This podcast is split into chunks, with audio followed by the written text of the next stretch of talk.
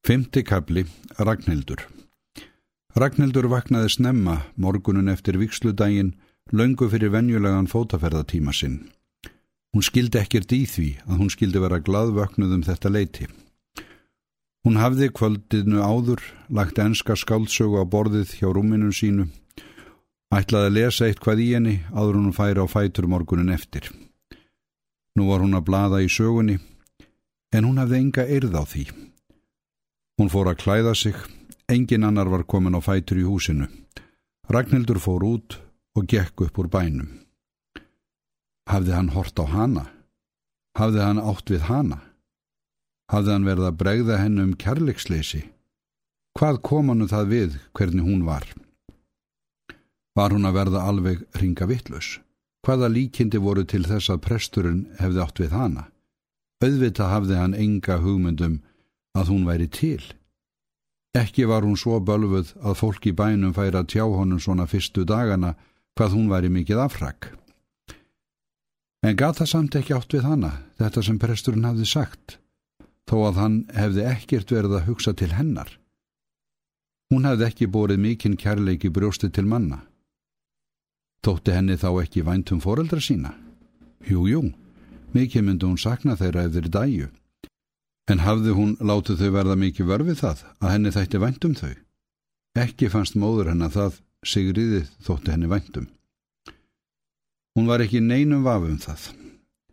En hafði hún nokkur tíman gert henni nokkuð verulega gott, hafði ekki góðverkin verið all sigriðar megin. Sigriður hafði setið yfir henni öllum stundum veikri þegar hún gatt höndum undir komist. Og samt þurfti hún svo mikið á tímanum að halda, hún sem vann fyrir sér. Sigriður hafði ávalt glatt hann á hrest í duttlungum hennar. Hvernig stóð á því að Sigriður gæti alltaf verið með glöðu bræði? Hún sem átti svo dapurlegt heimili og við svo þröngkjóra búa. Hvernig stóð á því að Sigriður var aldrei með neina óanæju, nýja óþreyju, nýja eftirlanganir eftir því sem ekkir var kostur á að veita sér? Var það að því að hún var svo góð? Líf sjálfurar hennar hafði allt lendi að læra og skemta sér með ímsum hætti. Hún fann að það hafði ekki eld ástúðina og allt hafði það verið ánægu snöytt þegar til lengdar létt. Dansleikar og hljómleikar og sjónleikar og kunningsskapur við unga pilta og hinir og aðrir kvennfélagsfundir, allt hafði þetta verið indislega skemmtilegt í fyrstu, en allt var það í raun og veru einski svert og oftast leiðinlegt fullt af þjarki og þrætum og öfund og hegumandýrð og heimsku.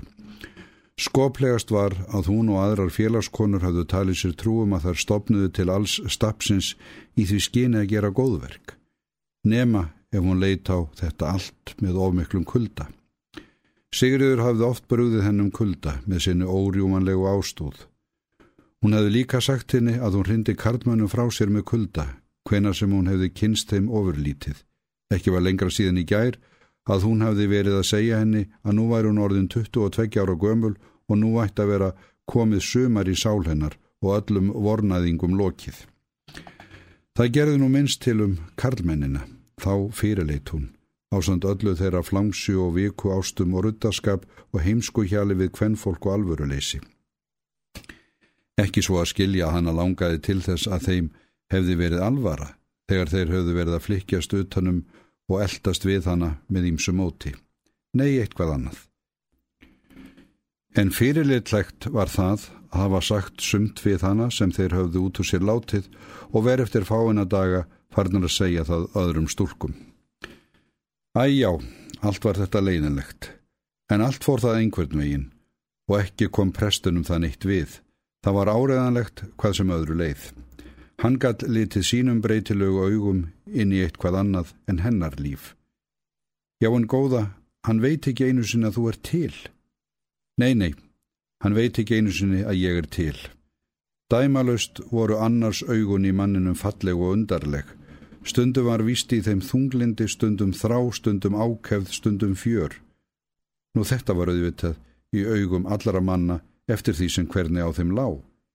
Nei, ekki eins og í þessum augum sem hún hafi séð á pretikunastólnum. Var hún að verða ringa vittlus?